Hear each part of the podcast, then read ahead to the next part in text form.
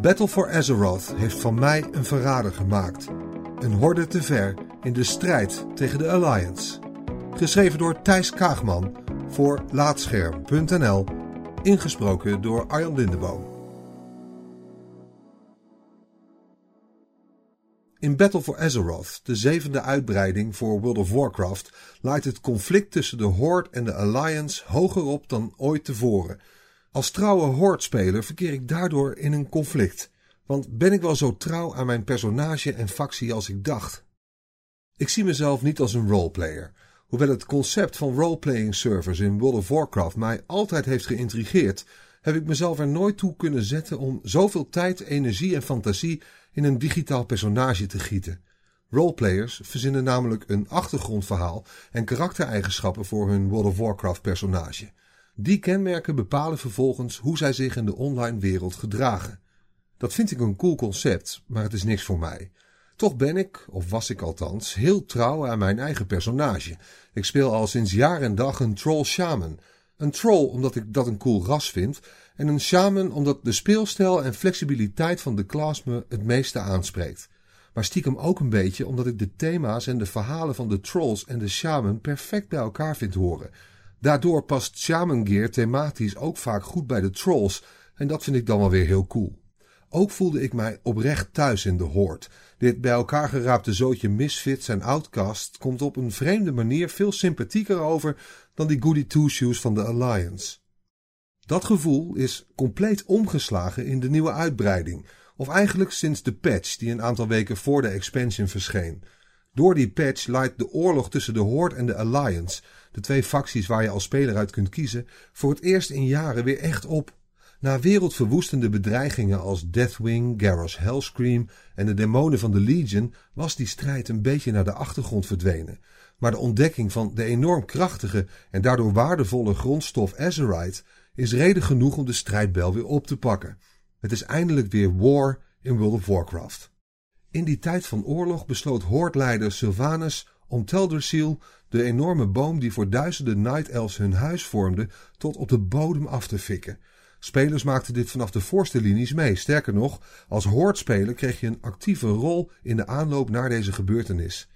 En man, dat voelde niet goed. Teldrassil in de fik steken om de Night Elves af te troeven is het equivalent van de Rotterdamse binnenstad slopen in aanloop naar een duel tussen Ajax en Feyenoord.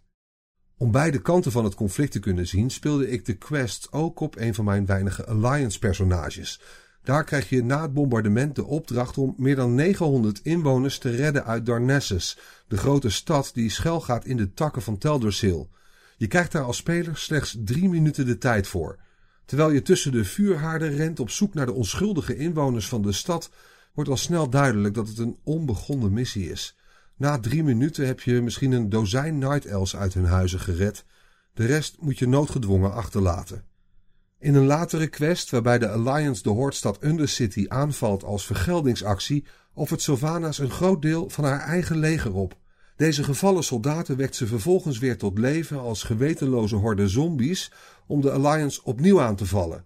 Dat is wederom echt niet oké. Een kleine week na de conclusie van deze verhaallijn kwam Battle for Azeroth uiteindelijk uit. Maar in de dagen ervoor begon ik na te denken. Is dit de Horde waar ik onderdeel van wil zijn? Die gedachte verbaasde me eigenlijk. Nogmaals, ik ben geen roleplayer. Toch knaagde het aan mijn geweten. Blijkbaar identificeer ik mij zo met mijn troll shaman dat ik mijzelf als onderdeel van de Horde zie. Maar kan dat nog als ik de acties van de leider van deze factie moreel sterk afkeur?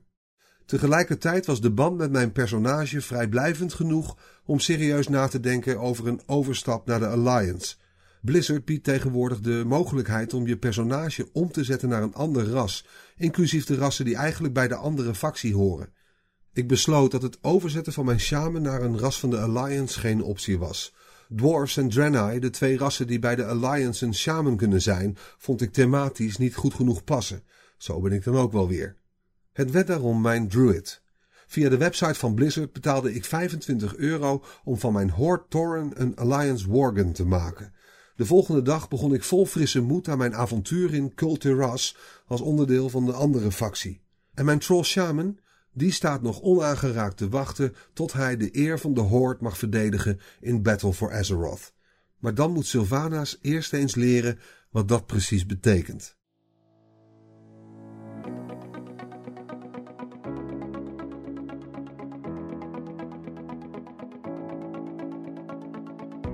Dankjewel voor het luisteren naar deze aflevering van Laatscherm voorgelezen.